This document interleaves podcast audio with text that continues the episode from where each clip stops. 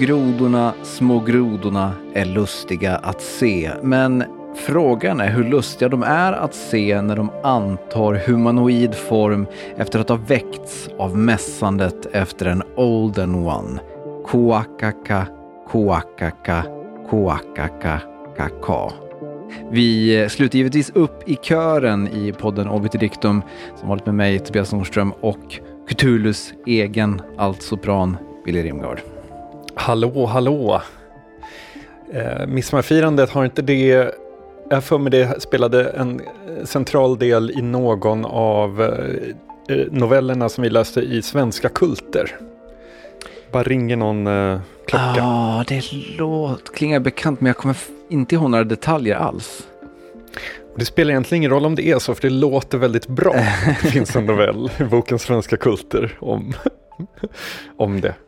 Om inte annat så borde det finnas en, en eh, någonting som liksom, det känns som att det har gjorts för lite på midsommar som okult fenomen. Eh, filmen Midsommar gjord, liksom, tog ju det på något sätt, men det var ju också väldigt mycket en, vad ska man säga, en, en fri tolkning av en utomstående på något sätt, vad, vad midsommar är. Det var ju inte det var inte det som vi tänker på när vi tänker på midsommar direkt. Eh, det, där finns det grejer att göra tror jag man skulle ju mycket hellre vilja omfamna de här hedniska grejerna som valborg och midsommar och så här midvinterblot och sånt. Om man inte då också snart börjar ha en Torshammare runt halsen. Går i NMR-tågen. Alltså jag tänker att det är en så här enkelriktad väg. Ja, fast det, det, problemet är ju att, eller problemet, grejen är väl lite att de gör det ju, om man kollar liksom SD-människorna, de gör ju sån halvmesyr för att de vet att de kan liksom inte gå all in med vinterblot. De kan liksom inte göra ett offer, eh, för det skulle inte falla i god jord, utan det blir liksom så här, du har väl sett grilla, här... grilla på i snön. Vad sa du, det blir? Grilla i snön på baksidan. Ja men, typ, nej, men du, det, det, blir ju liksom den här, du har säkert sett det här klippet på han, jag minns inte vad han heter nu, Mattias någonting, eller någon, någon, liksom snäppet under Jimmie Åkesson. När han står och gör den här dansen. Eh, de har någon sån kulturförening där de då har, eh, gör massa gammelsvenska saker och det är liksom olika lekar där man liksom ska göra långnäsa och grejer åt varandra. Så ska det, ska vara något så lust, lustspel eh, saktigt mellan man och kvinna. Eh, det är det det blir. Alltså det ska liksom vara så de måste visa upp det som att det är rumsrent och mysigt, för det får inte skrämma folk. Eh, mm. Men om man går till de liksom, där, där, dit vi tassar, de äkta traditionerna, då, då blir det ju mörkt på något sätt. Jag var faktiskt eh, härom helgen på eh, Gamla Uppsala museum eh, och spanade spana in utställningen. Lite underwhelming som museum, men jag insåg någonting när jag var där och det är hur lite jag faktiskt kan om nordisk mytologi.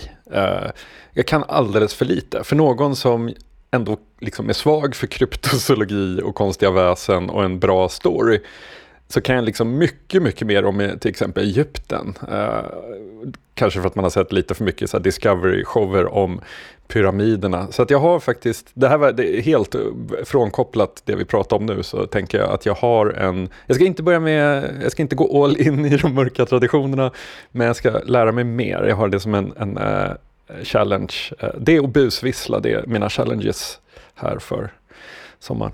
Men hur är det där? Är det inte också, eh, finns det inte ett inbyggt problem i nordisk mytologi att mycket av det är liksom påhittat långt senare? Alltså att man, jo, man, man har liksom fyllt i eh, när det ska liksom börjas med nationalistisk romantik på 1800-talet. Typ. Ja, precis. Eller liksom, alltså det mesta är väl nedtecknat va, på Island på typ 1300-tal och så berättar man om någonting som hände för 300 år sedan. Eh, så är det definitivt. Men det måste ju finnas the real stuff någonstans, eller hur? Jo, man, man hoppas ju det.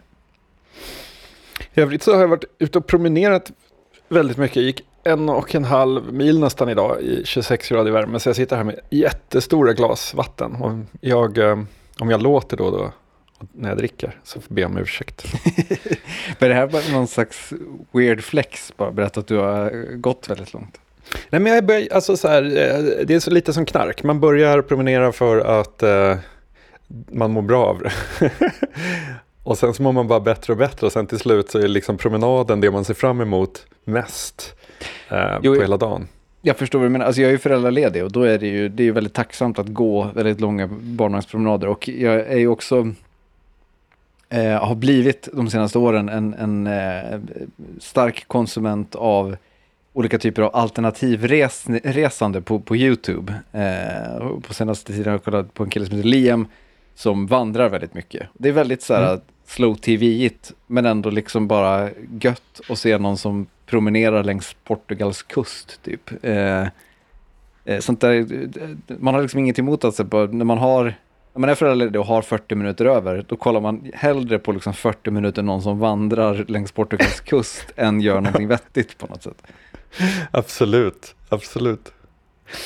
Men det är så här, när man, när man promenerar så har man ju ganska mycket tid att tänka. Kanske för mycket tid, går att argumentera. Eh, och ja, det slog mig häromdagen, så fick jag en så här flashback till ett så här olöst, en sak som jag inte har benat ut i mitt huvud. Eh, och som jag har gått och tänkt på alldeles för mycket sedan dess.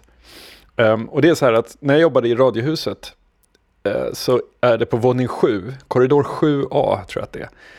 Där sitter direktionen, alla höga chefer här sitter i en korridor. Och jag kommer ihåg när jag gick igenom den här korridoren så tittade jag in i ett rum där en av de allra högsta cheferna satt. Jag ska inte säga några namn, eh, det är onödigt, men eh, man, kan, man kan titta i direktionen så har ni liksom lite ledtrådar. Och han hade ett så här överdrag på sin kontorsstol, ett, liksom, någon slags skydd som satt ne, eh, eh, liksom neddraget över eh, ryggstödet. Och på ryggstödet så stod det då en tryckt text. Det stod Schrödingers cat is alive! Utropstecken. Och jag har aldrig fatt, jag har liksom, jag fattade det inte då, sen har jag glömt bort det och sen har jag gått och tänkt på det. Och grejen är att, vad, liksom, det är väl inte det det handlar om? alltså, är det, alltså så här, det var skrivet med så typsnitt som att det var liksom glaset är halvfullt utropstecken. Det var liksom sam, den osade samma så pepp. Men det är ju inte det som Schrödingers katt Men det, Går alltså, ut du på tänk, det. det var som någon slags motivationscitat typ. Men det kändes som ett chefstryck, liksom. En sån...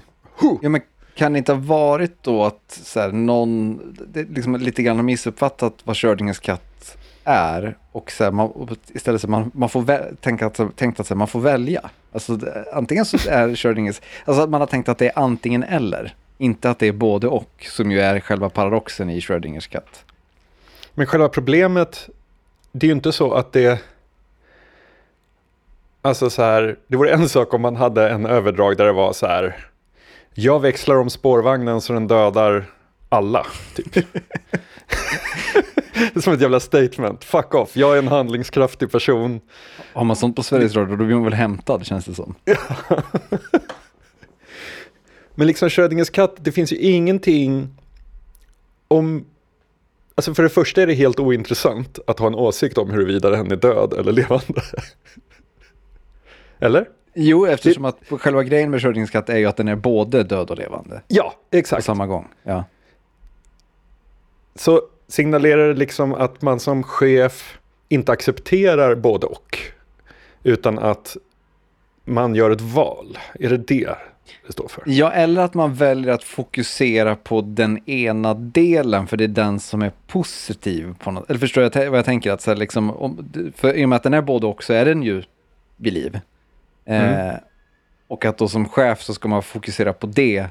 För det är där det finns, ja, ja, nu spånar jag fritt här. För det är där det Ja, ja, finns ja. liksom potential, möjlighet och någonting att bygga på. Eh, liksom antagandet att Schrödingers katt är död, det ger oss ingenting att jobba med.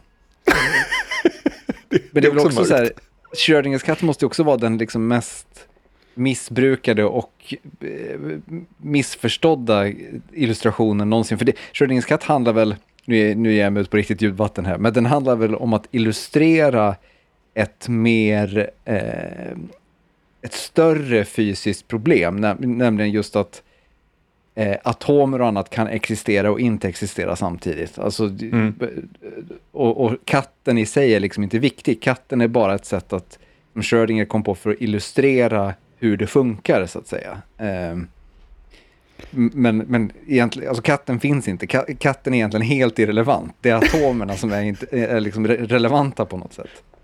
Och någonstans så är det någon som har bestämt sig för att trycka merch. Så bara, jag har en idé. Och så har de tryckt den. Och ingen har ifrågasatt om den håller eller inte. Den här har gått ut i distributionskedjan. Det finns ingen som tar ner den från hyllan och säger det här, det här håller ju inte. Eh, och sen så är det då dessutom så att någon har gått och köpt den här och tänker det här, det här ska jag ha på min stol för att visa. Men det kan liksom- inte också bara vara en sån här dålig liksom nördskoj-grej? Alltså du vet så här, som sånt som där det står den kemiska ah. beteckningen på kaffe på en kaffekopp och sånt där. Alltså det... Ah.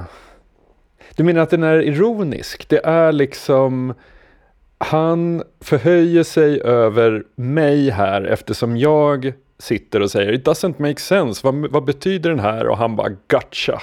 För att ja, han skrattar och tycker det är kul. Jag, jag, tror nästan snarare att det bara är typ du vet vad Schrödingers katt är och därför så är ni två samma. Alltså det, det, det nästan ännu mer, typ att du kan tycka att det är lite fyndigt att någon har ett tryck om Schrödingers katt. Eh, för att du, du är inte en, en, en plebb som, vad heter det, som aldrig har hört talas om Schrödingers katt. Ja, ja, ja, ja, ja, ja. Då kanske man ska trycka pins med den texten. Det kanske är liksom merchant till hösten. Eller så går du, går du liksom så här, går in i någon slags um, motperspektiv och där du trycker upp Schrödingers cat is dead. Alltså så här, Just. Eftersom, eftersom att det också är sant. Just det, just det. Mycket bra. Ja, vad skönt. Nu fick jag ventilera det. det. Det där har gnagt på mig. Det har gnagt jättemycket på mig. Ja. Det vore kul att få veta facit på något sätt. Vi kanske miss, missar något, något viktigt i, i vad det här citatet innebär. Men... Jag kan ju pröva att dra ett mejl. Jag tror inte han kommer svara. Men... Uh... Gör det. Ja. ja, ja, ja, jag blev lite kall av tanken här. Men, men absolut, jag drar ett, jag drar ett mejl. Eller också att jag lämnade en paus som att jag tänkte att du skulle göra det nu. Det är inte det jag men därför jag avvaktade. Eh, vi går vidare och ska, jag skulle vilja återvända lite till ett pågående projekt jag har eh, 2023. Eh, som jag har nämnt några gånger i podden. Nämligen att jag försöker ta mig an fantasyn. Eh, mm. Jag har haft ett, ett, en brokig relation till fantasy genom åren. Eh, och började i vintras med att ta mig an ett gäng böcker. Eh, Senast jag pratade om det här, då eh, pratade jag om att jag hade eh, insett vissa problem med fantasy. Mycket att det var fokus på liksom saker som hände runt omkring huvudpersonerna eh, som var det som var intressant och viktigt. Men att det huvudpersonerna upplevde, de, de fick höra om det som var intressant och viktigt ofta ur, ur liksom andrahandskällor typ. Det pågår ett krig mellan gott och ont, men vår huvudperson är på väg mellan två byar för att möjligtvis kunna kanske rädda sin vän typ. Eh, och får höra om vad, vad, senaste nytt i det här kriget, typ. Eh, det är inte det som är viktigt. Eh, då berättade jag att jag började läsa lite science fiction istället och jag har fortsatt att läsa science fiction i fantasyprojektet. Eh, jag tänker att jag ska göra ett, ett till hugg med fantasy nu i sommar. Men jag känner också att jag lär mig mer av vad jag känner för fantasy genom att läsa science fiction på ett sätt. Mm -hmm.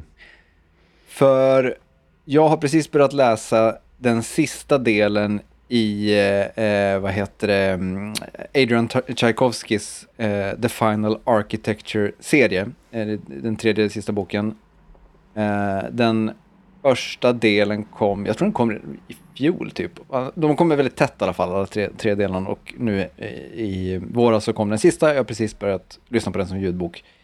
Um, och en sak slår mig Eh, eh, insikt om fantasy slår mig när jag, när jag eh, liksom tänker på de här tre böckerna.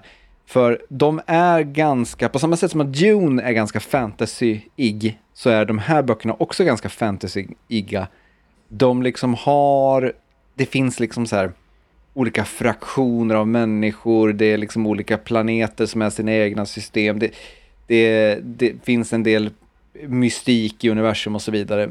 Eh, helt enkelt saker som man definitivt ser i många fantasyberättelser. Eh, och liksom också lite så här, folk slåss med svärd. Eh, alla slåss inte med svärd, men vissa slåss med svärd. Eh, vissa har liksom eh, fått genetiskt framtagna speciella gåvor som gör att de kan navigera subspace. Alltså saker som ändå det, tangerar någon slags fantasy-tänk. Sk det skulle kunna göra om man istället eh, placerade handlingen någon annanstans typ. Eh, men det finns någonting i den här berättelsen som känns som att den är mycket mer sci-fi och någonting som jag känner att man sällan stöter på i fantasy. Men jag vill testa på om du håller med om. Nämligen det här att man i science fiction är nyfiken på tingens tillstånd på ett annat sätt än vad man är i fantasy. Alltså mm. att man, i fantasy så är det liksom ofta att världen är, det finns mystiska saker i världen. Eh, och de här mystiska sakerna kan vara magi, det kan vara varelser. Men ingen är säkert nyfiken på hur de här sakerna fungerar. Ibland är det till och med liksom tabu i världen att försöka ta reda på hur de fungerar. Eh, liksom de, de, magin exempelvis är liksom ofta någonting som är bara så här, den funkar, vi vet inte exakt hur den funkar. Ibland finns det liksom vissa regler, men även då är det så här, var kommer den här kraften ifrån? Är det ingen som frågar? Ingen, det finns liksom, det är helt tomt på kritiskt tänkande människor som är så här, men hur funkar det egentligen? Hur kan det här funka? Hur hänger det ihop? Eh, och detsamma gäller liksom så här, varelser, eller, eller liksom, ingen bryr sig liksom om så här, vem är Sauron? Vad, vad, vad, vad, är liksom egentligen Saurons idé? Eller hur blev Sauron så? I, alltså ingen är intresserad av någonting sånt. Eller, eh, eller så här, orkerna, det är liksom så här, folk skiter fullständigt, de är onda, det räcker liksom. Medan Sauron fick aldrig gästa Joe Rogan. nej, eh, tyvärr. Eh, nej, men det, det, jag kanske hårdrar lite, men du förstår vad jag menar på något sätt, att det är liksom mer, saker bara är i fantasy och ingen är så här, fast vänta, varför? Fast ja, men det där tror jag har, har, en, har, ett, eh, har en förklaring. Jag håller på att läsa, jag fick ett tips från eh, Sanna Lund, en bok som heter To Sleep in a Sea of Stars av eh, Christopher Paolini. Jag är halvvägs igenom och det är en riktig jävla space opera. Det är hårdaste typen av SF man kan tänka sig. Um, och huvudpersonen där, hon är liksom en xenobiologist som eh, studerar alien artifacts och eh, rester som vi hittar ute i rymden. Eh, så. Vilket ger henne ett, eh, en drivkraft att så fort någonting eh, liksom levande eller dött, eh, ruin eller något kladdigt eh, dyker upp så vill ju hon studera det, för att hon, det är ju hennes grej. Liksom. Eh, det bygger på en vetenskap. så. Och såklart Megacorp som eh, ska utvinna eh, ja, men liksom Weyland Yutani-grejen. Eh, så. Eh, eh, så att alla, både, alltså, både den expanderande mänskligheten och individerna i science fiction har ju ofta en anledning och en drivkraft att utforska, om inte annat för för profit. Liksom. Mm. Um, jag läste klart uh, Alastair Reynolds Revelation Space och den sista Absolution Gap, uh, den här planeten som det rullar uh, stora uh, katedraler på. den personen som först kommer dit, han är ju där för, också för att loota, liksom, för att hitta någonting som han kan sälja till Ultras. Um, så att i science fiction finns ju alltid den där, om inte, om inte löftet för pro, eh, om profit, så åtminstone så här, kan vi bosätta den här planeten? Det, det finns en så. Medan i fantasy så tänker jag att det är mer som så här, man berättar för barnen om Näcken och de håller sig borta från floden. Eh, en, en hobbit har liksom ingenting med en ork, alltså vill inte vara i närheten av en ork. Uh, och det spelar liksom ingen roll hur nyfiken man är på vad är det här för någonting, för att man bara håller sig undan. Uh, jag tänker att, ja. Jo, men och även de liksom som har kunskap är ofta liksom så här, antingen obegripliga, typ pratar i gåtor, eller liksom så här, kommer med så här visdomar som ingen riktigt förstår. Eller så är de liksom någonting som berättelsen bara inte, inte intresserar sig för överhuvudtaget. Alltså, lärda figurer som liksom studerar vid bibliotek och sånt finns ju alltid, eller ganska ofta i fantasy. Men det är ju inte så här som att vi får följa dem och få reda på vad de vet om den här världen på något sätt. Det är på sin höjd för att kolla upp någon, släkt, någon släktlinje man, man hör av sig till en sån figur. Liksom. Det där har jag alltid stört mig på med Gandalf. När, eh, eh när eh, eh, Bilbo lämnar sin eh, eh, födelsedagsfest och Frodo är kvar med, med ringen och det. alltså apropå det du säger om att prata i gåtor, det är ju liksom aldrig så att Gandalf sätter Frodo ner och bara så här, så här är läget, den här ringen, den är asjobbig. Du kommer må piss, du kommer liksom tappa tron på allt, du kommer vilja ge upp. Men det, det är ringen, det är inte du som är konstig, utan liksom Alltså så här, du vet, de har aldrig the talk, utan Gandalf det är bara så här. To be a ring bearer is to walk alone. Det är typ det han får. Det är så, sånt som man säger, okej. Exakt, det där det är ju liksom, det där är ju en heldagsprepp som behövs. Att sätta sig ner och gå igenom, okej nu, nu kommer ju Nazgul på jakt efter dem så att de kanske inte har tid för en heldagssittning. Men Ja, men de, ändå, reser alltså, ändå, de, har, de reser ändå ganska långa avstånd i de här böckerna. Det, det, Ja. Man kan ta, det, ta lite teori on the road kanske. Exakt, exakt. Nej, och det där, det där, jag fattar så här, jag fattar att, att, att Gandalf är ju en närmast gudaliknande varelse som inte ska meddla för mycket i människornas värld. Så. Men nu när läget är som läget är, så vad fan, spill the fucking beans. jag är trött på Gandalf. Ja, och jag fattar att så här, Gandalf kanske inte vet allt. Men berätta det du vet åtminstone. Liksom. Du, har ju, du, du har ju liksom läst de här jävla scrollarna med, med, med text om saker och ting. Dela med dig lite grann. Eh, Gå, gå inte liksom runt och pilla dig i skägget eh, hela tiden. Eh, nej men för, för just det, här, som jag sa, det, i, de, i de här Final Architecture-böckerna så finns det liksom en del fantasydrag och det finns liksom också saker som är mystiska. Men en stor del av berättelsen handlar liksom att, så här, om att huvudpersonen försöker ta reda på hur det faktiskt ligger till. Eh, alltså så här, det, det här mystiska som jag inte vet vad det är, eh, vad är det? Eh, och, och det är liksom så här, det gör det för mig väldigt mycket mer attraktivt direkt, för att jag är, sitter själv och undrar. Alltså när jag läser fantasy så undrar jag ju mer om hur saker funkar och, och hur saker är beskaffade, eller, än, än jag undrar så här, hur ska det gå? Eh, ja. Ja. Nej men det, jag vet inte, det... Men med det sagt då, ni som lyssnar är, har- har vi lärt oss vet otroligt mycket mer om fantasy än vad vi gör oftast. Om ni har tips på fantasyberättelser som är intresserade av de här sakerna, som, som, som liksom letar efter någon slags svar eller försöker liksom så det finns eh, ambitioner om att förstå världen de utspelar sig i, eller åtminstone beskriva den, eh, berätta om dem så ska jag med glädje ta mig an dem. Det måste ju finnas någonting om The Apprentice, den unga, eh, talangfulla eh, personen som, eh, jag tänker att hon kanske pluggar till att bli eh, doktor, alltså medicindoktor eller någonting sånt där. Och, och, hon kan inte sluta att bläddra i de här förbjudna böckerna för att ta reda på någonting och sen så, alltså det, den plotten måste ju finnas någonstans.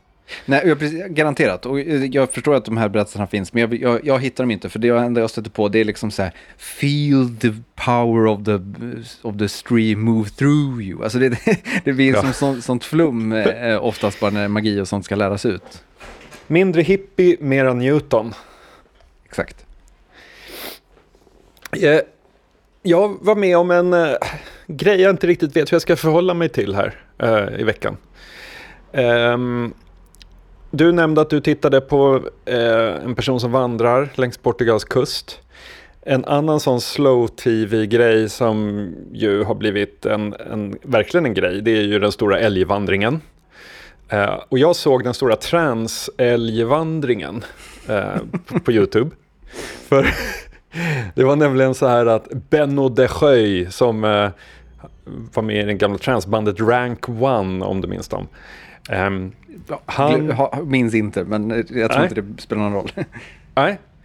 Ehm, åtta timmars sändning med honom i en studio. Han sitter vid ett mixerbord. Med i studion är Armin van Buren och Ferry Corsten. Och de tre ska skriva The Big Trans Anthem of two- 2024. Det är liksom, de ska göra låten med stort L. Så. Och det var alltså Eh, då hade de liksom dels ett huvudstudiorum och just det, det var en, en snubbe till, Rendo de någonting, ja, random holländare som skulle lägga lite vocals sen. Jag kommer inte ihåg vad han hette, någon singer-songwriter. Ja. Alla såg exakt likadana ut, kort ljust hår.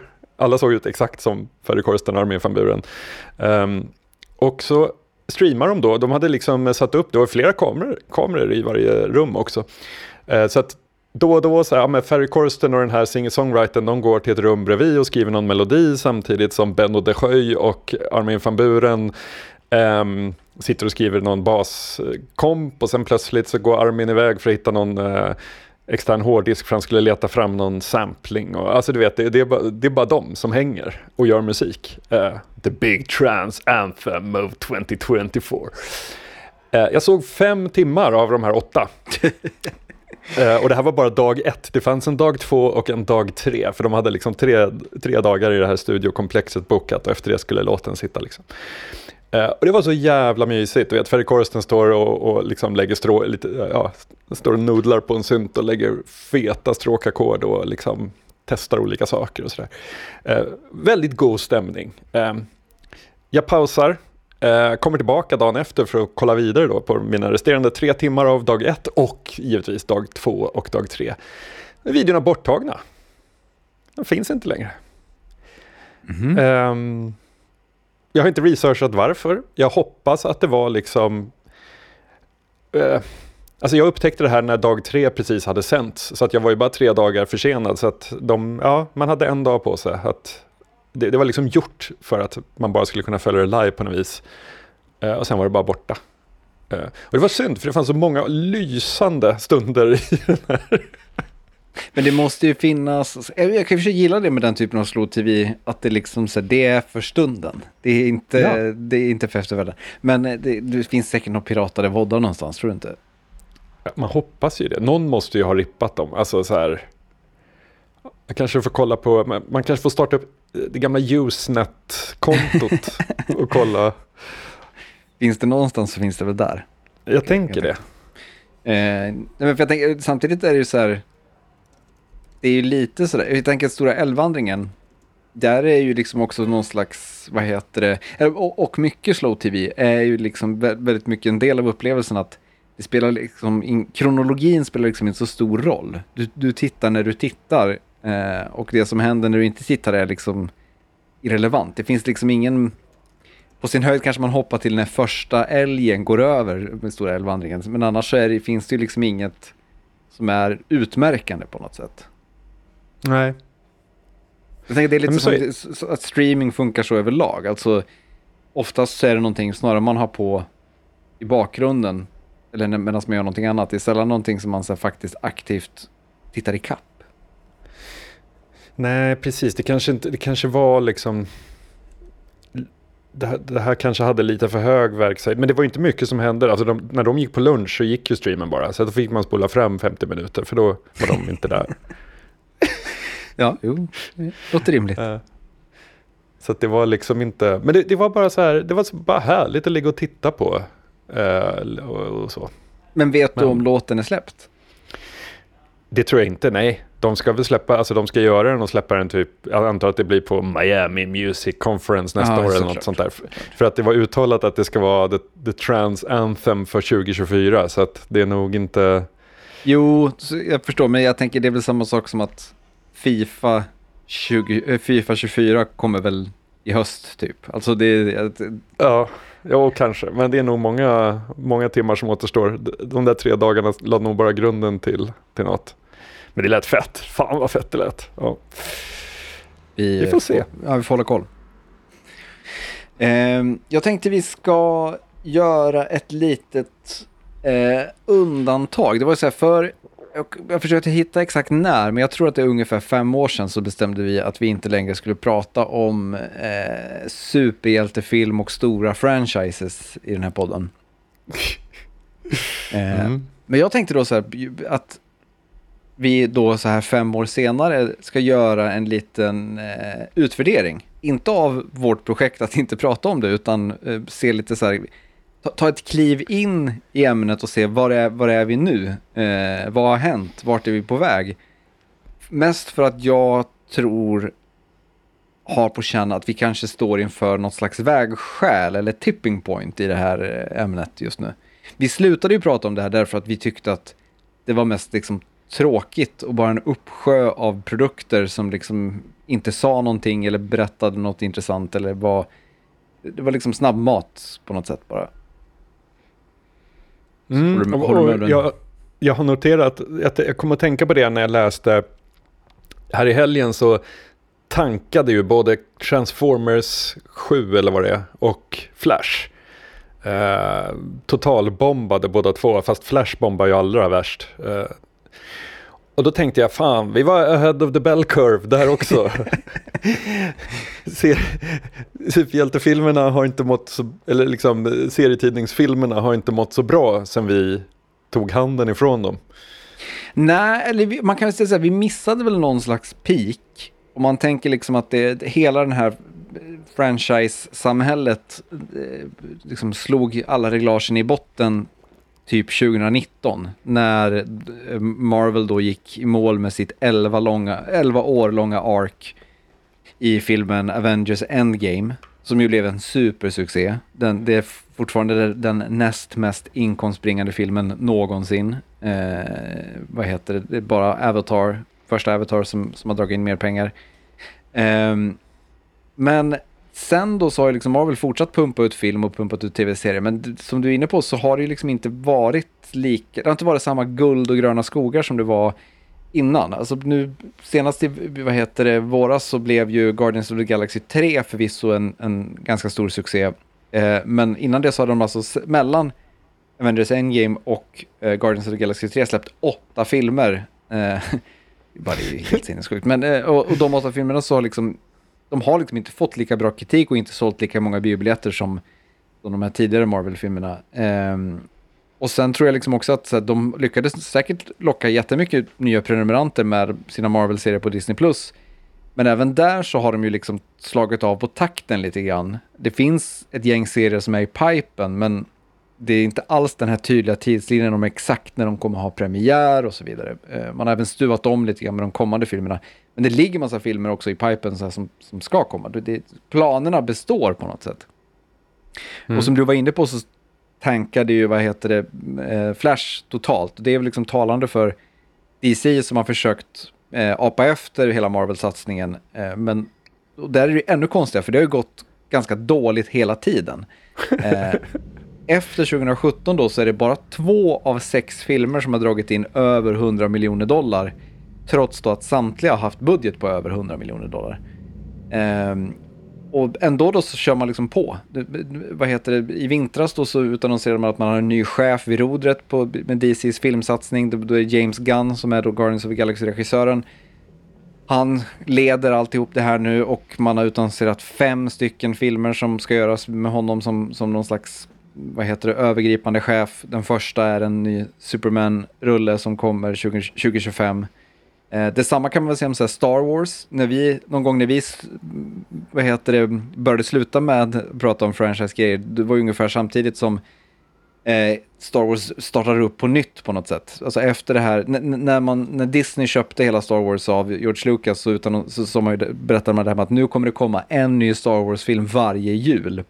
Mm. Det höll man ju fast vid ett tag. Man släppte liksom den här nya trilogin och några spin-off-filmer. De här spin-off-filmerna gick ju vi liksom så här, helt okej på bio, men det var superstökiga produktioner med, med regissörer som bråkade och så vidare. Så att de gjorde att man liksom så här blåste av ett gäng av de här filmerna, man pausade, man åt, även där satsade på lite tv-serier. Men här om veckan då så berättade man att det, nu kommer man liksom göra någon slags reboot av filmdelen av Star Wars-universumet med två nya filmer planerade till 2026 och 2027. Vilket också, när jag lyssnade på en branschpodd så pratade de om att så här, det finns inte på, inte på kartan att eh, de, de releasedatumen kommer att hålla. För de här filmerna är liksom de är alldeles för tidigt i produktion för att en, en sån stor satsning skulle liksom vara klar 20, 2026 och 2027. Eh, åtminstone den ena av dem verkar tydligen vara så här, fortfarande på någon slags halvt planeringsstadie bara. Mm. Men så, som sagt, det, det, som du är inne på, det, det går lite knackigt. Men samtidigt så är det, så fortsätt, liksom så här, peka bara framåt och säg vi fortsätter som vi eh, kör. Vad vad- vad tror du? Är det liksom bara, hå- håller man uppe fasaden här och tänker att ja, det är, allt går enligt plan? Eller är, är det liksom, ser vi att det här är, ja, kommer bara fortsätta in absurdum? det kanske är det enda kvarvarande sättet att åtminstone vara säker på att det kommer någon så. Eh, det är så svårt att lansera eh, fristående filmer. Eller jag vet inte, det, det kan vara jag. Det, algoritmen spelar ju ett spratt här också. Men mycket av de eh, trailers som jag får upp i, eh, som tips. Det är ju liksom, det känns som rätt pajiga filmer. Jag alltså, fick någon som heter Black Demon som handlar om någon jättehaj som röjer runt en oljespillra. Har du sett den? Nej. Jag tror att det här är en pajig, pajig one-off. Jag, jag, hittade den här. Eh, slå en kik på... Vi kan kolla.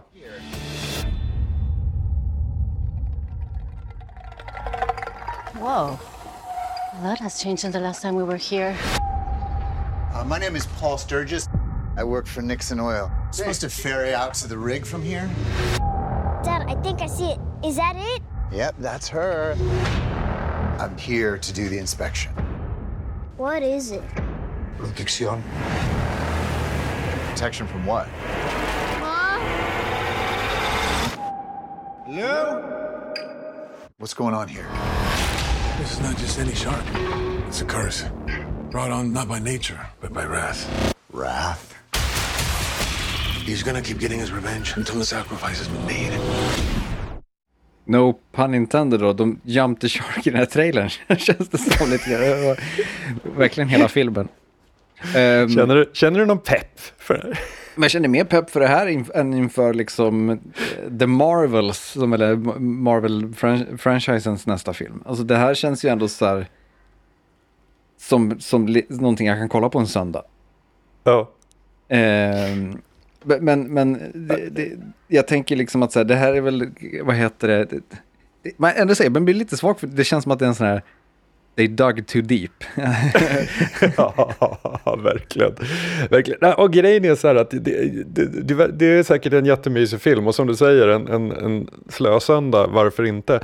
Um, det jag bara tänker är så här, om det här är det som går upp emot Eh, de stora franchise-filmerna, om det här är konkurrensen. Är det menar så? Så, tänk, mm. så tänker jag att man, då har man ju gett upp. Alltså då är det ju, då är det ju bara så här, ja men uh, vi, kom och se Transformers 7, oh, by the way, vi släpper den här också. Så.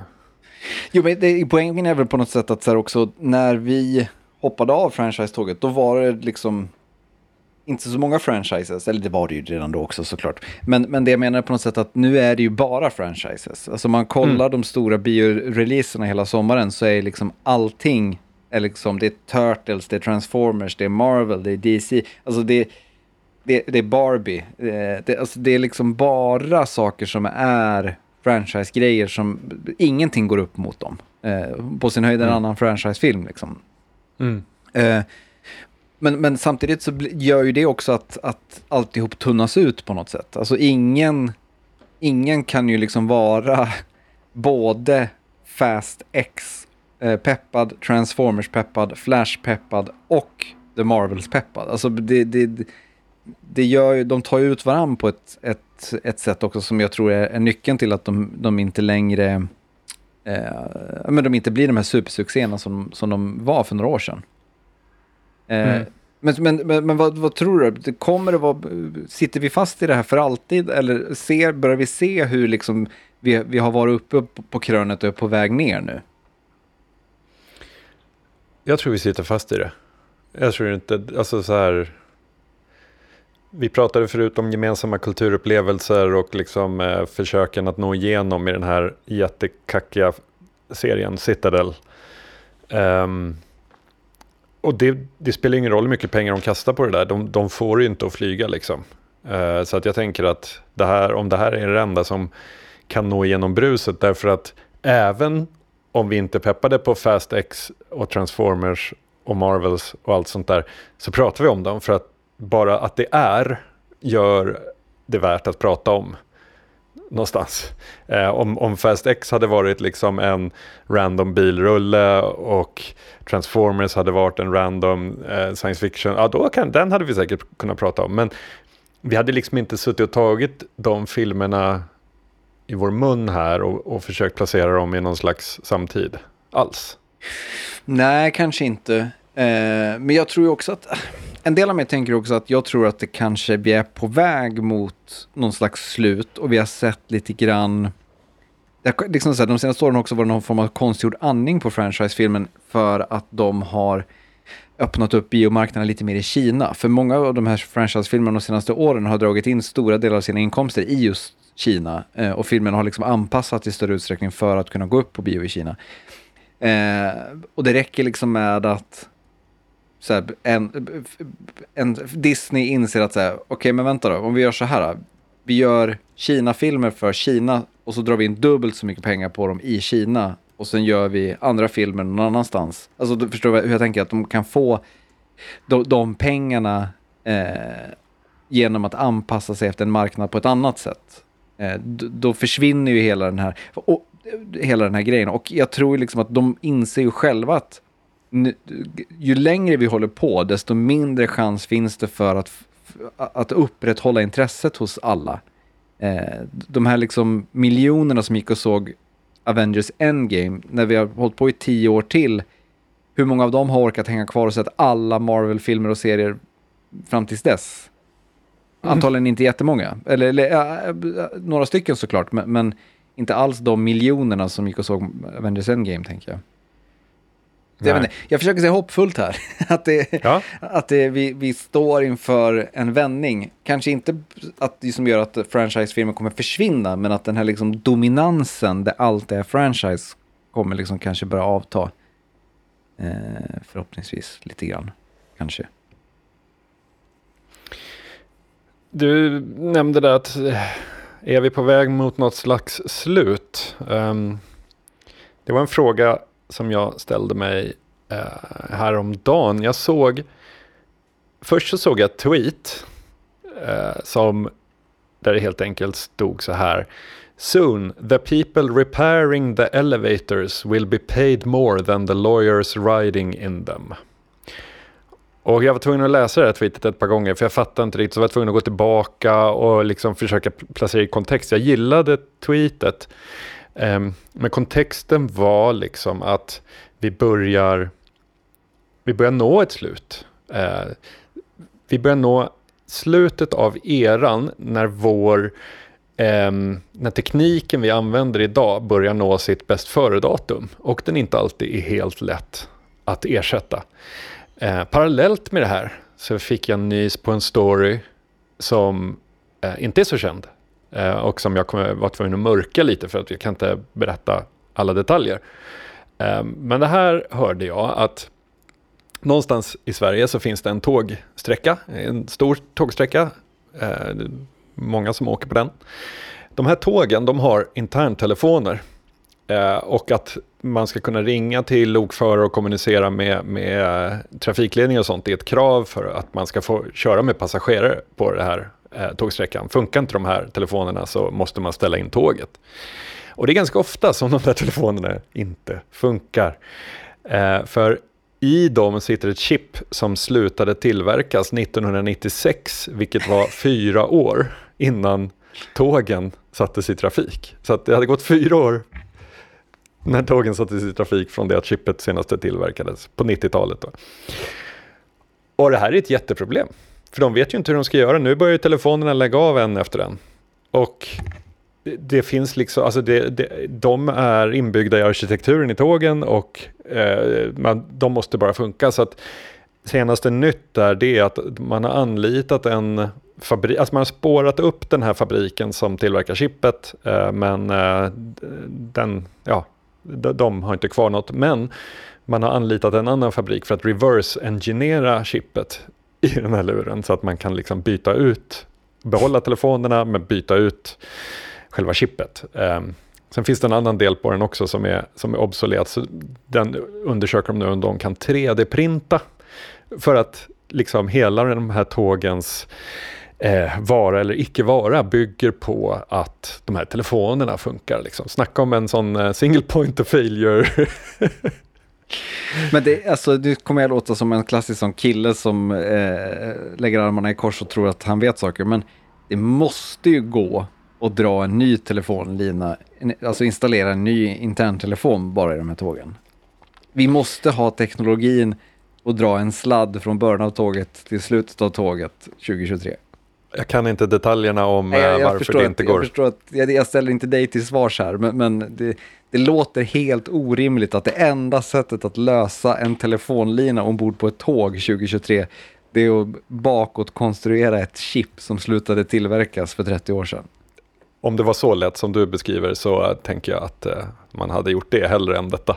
Jo, Men det här väcker tankar, för då förstod jag helt plötsligt det där tweetet. Att soon the people repairing the elevator will be paid more than the lawyers riding in them. Um, och jag har ju varit så här, av, av naturen så är jag ju skeptisk mot all typ av så här smarta kylskåp, smarta tvs, allt smart. Därför att man vet att när Samsung liksom dammar på med nästa kollektion eh, eh, smart-tv, då kommer all support för den gamla upphöra och då öppnas också massa säkerhetsvulnerabilities och så. Så att jag har liksom styrt undan, man, man är ju van att uppgradera sin dator och sin telefon eh, eh, då och då. Eh, jag köpte nyligen en ny um, studiodator, jag hade gått runt på en Macbook 2015 fram till nu. men, eh, inte, men inte gjorde jag- 2015, är inte den som är så berömd för att den var otrolig? det är en tank, men jag gjorde misstaget att uppdatera oset från, nu ska vi se, var det Mountain Lion till... ja, jag gjorde ett litet hopp i os för jag ville installera en plugin och det sänkte tyvärr datorn. Den började gå på knäna eh, på ett sätt den inte har gjort tidigare, så jag var tvungen att byta. Eh, så den höll ändå i i åtta år, men man, är, man vet ändå, man vet att den här dagen kommer komma. Med sitt kylskåp så gör man ju inte det på samma, alltså man är ju inte så pepp på att byta ut ett kylskåp bara Nej. för att eh, något jävla HTTP-protokoll har blivit utdaterat. Det känns helt keff liksom. Nej, men, och finns det inte en beståndsdel i det här också som är alltså, en form av tjänsteekonomibubbla? Alltså i och med att vi då som samhälle har skiftat över till en tjänsteekonomi så har liksom alla resurser lagts på att ställa om till det. Vilket har gjort att de som liksom inte är en del av tjänsteekonomin blir färre, deras kunskap blir mer sällsynt eh, och då när helt plötsligt behovet av praktisk kunskap eller liksom att kunna installera ett chip eller vad fan det nu än är. Eh, när den helt plötsligt stiger, då kan de här människorna ta hur mycket betalt de vill. Ja, Jag tänker Jo. liksom så här, när, när vi gjorde om badrummet när jag var barn hemma, då kaklade pappa det badrummet. När jag gjorde om badrummet hemma här om året, fanns inte, fanns inte en chans att jag skulle kunna kakla det badrummet. nej. nej. Och då får jag Ja, betala visst. något. Det där såg jag inte kul, eh, så här, någon berättade om sin 85-åriga farfar som hade hjälpt till med liksom, något verandabygge och hjälpt till och bytt någon del på bilen och liksom sådär. Bara, han hade varit så jävla imponerad liksom, bara shit den gamla generationens män, de kan allt. Sen på kvällen så hade han stått och eh, lagat mat, eh, den här, han som skrev inlägget eh, och eh, nu gjorde han klyftpotatis och då hade farfar kommit och sagt va? Gör klyftpotatis? Gör du det från recept eller? För att liksom, han hade ju aldrig lagat en, ett, ett mål, en måltid i hela sitt liv själv. Liksom. Så, Mm. ja, jätteimponerad över att eh, klyftpotatis. Så att ja, vi kan andra saker. Eh, men jag tänker att det är så mycket som man inte ser. Alltså, jag tänker på så här, så här blippen. Att vi har ingen kod hemma där jag bor, utan man har en blipp. Den är förhoppningsvis up to date eftersom huset byggdes typ 2015. Men det skulle också kunna vara ett chip från 90-talet där man liksom bara har kört på. Man har bara, ja, blippar, ja men det har vi den här modellen. Det är den modellen som finns på blipp. Eh. Mm. Men om, om vi då anlägger ett till ekonomiskt perspektiv på det här, är inte det också lite by design? För att eh, det går inte att tjäna pengar på om du har ett lås med en nyckel. Eftersom att nyckeln kommer alltid passa det låset, om du inte skadar nyckeln såklart. Men i, i, i liksom, om inget oförutsett händer så kommer nyckeln alltid passa låset och därför kommer inget låsföretag kunna tjäna pengar på den nyckeln, eh, eller på det låset, eh, tills du, först du tappar bort nyckeln. Medan då den här jävla blippen, det vet de att om fem år då kommer vi göra en mjukvaruuppdatering som gör att alla blippar be- kommer behöva bytas ut. Kaching! Ja, precis. Sån, eh, eh, designed obsolence, eller vad heter det? Ja, Mm. eh, att, att man bygger in det liksom. Eh, Ja, jag, jag vet inte. Det, så, så är det givetvis med, med nya prylar. Och köper man en, en bluetooth-högtalare Vi måste säga, Ja. jag ger mig fan på att det är företaget som tillverkar chippet i telefonen. När eh, vad heter det, tågföretaget hörde av sig och sa, hur du tillverkar ni det här chippet? Nej, men vi erbjuder nu den här tjänsten som är då en, någon slags ny intern kommunikationslösning som, som de säljer. Eh, Jag som kommer från musiksvängen, där finns det ju en uh, jättemarknad av så klonade chip för att reparera en gammal TB303 eller en Juno 106 eller de här klassiska maskinerna liksom. Eh, för de byggde ju också på kretsar som inte finns längre, men då, då är marknaden tillräckligt stor för att det ska finnas klonade varianter då som man kan ersätta med. Men jag är liksom helt med på att om jag köper en bluetooth-högtalare idag så kommer min telefon jag köper 2035 förmodligen inte kunna koppla upp mot den för att bluetooth-protokollet kommer att ändrats och det kommer vara massa skit. Så, eh, det är jag helt med på. Jag är, liksom, jag är helt medveten om att en bluetooth-högtalare är en, en eh, förbrukningsvara på ett sätt som en eh, en eh, vad ska man säga, stationär förstärkare inte är. Ehm, men jag tänker att det, det finns massa ställen där vi bara utgår från att det ska funka. Där det snart inte kommer göra det därför att de här grejerna har snurrat i 20-30 år och delarna finns inte och de håller på att gå sönder nu.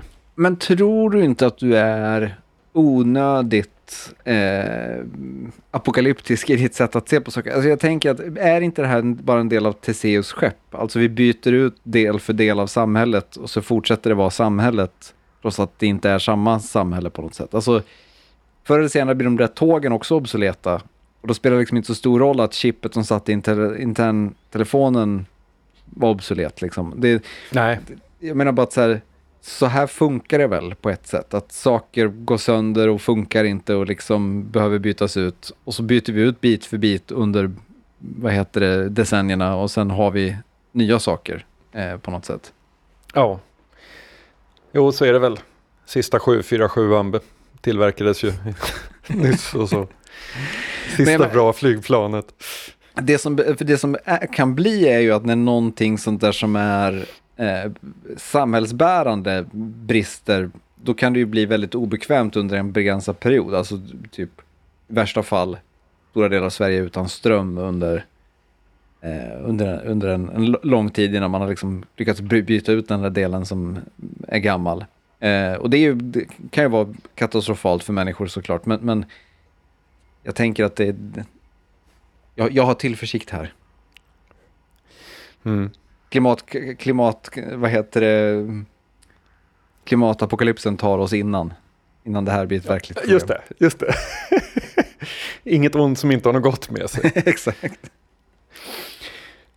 Du, avslutningsvis skulle jag bara vilja berätta att jag är väldigt lycklig. Jag har fått en form av kreativ eh, katarsis. eh, jag eh, tog mina första stapplande steg eh, med att göra musik på en Amiga 500 i ett program som heter Pro Tracker. Eh, som väldigt olikt det sättet man gör musik i moderna musikprogram. Eh, har aldrig känt mig riktigt hemma i moderna musikprogram eh, av någon anledning. Ja, det är liksom någonting som, alltså i, någonting i arbetsflöde som alltid har känt lite så här yxigt, om du förstår vad jag menar. Eh, förra veckan så installerade jag ett program som heter Renoise som är en eh, modern tracker men man kan jobba på exakt samma principer. Och jag har inte gjort det här på 25 år.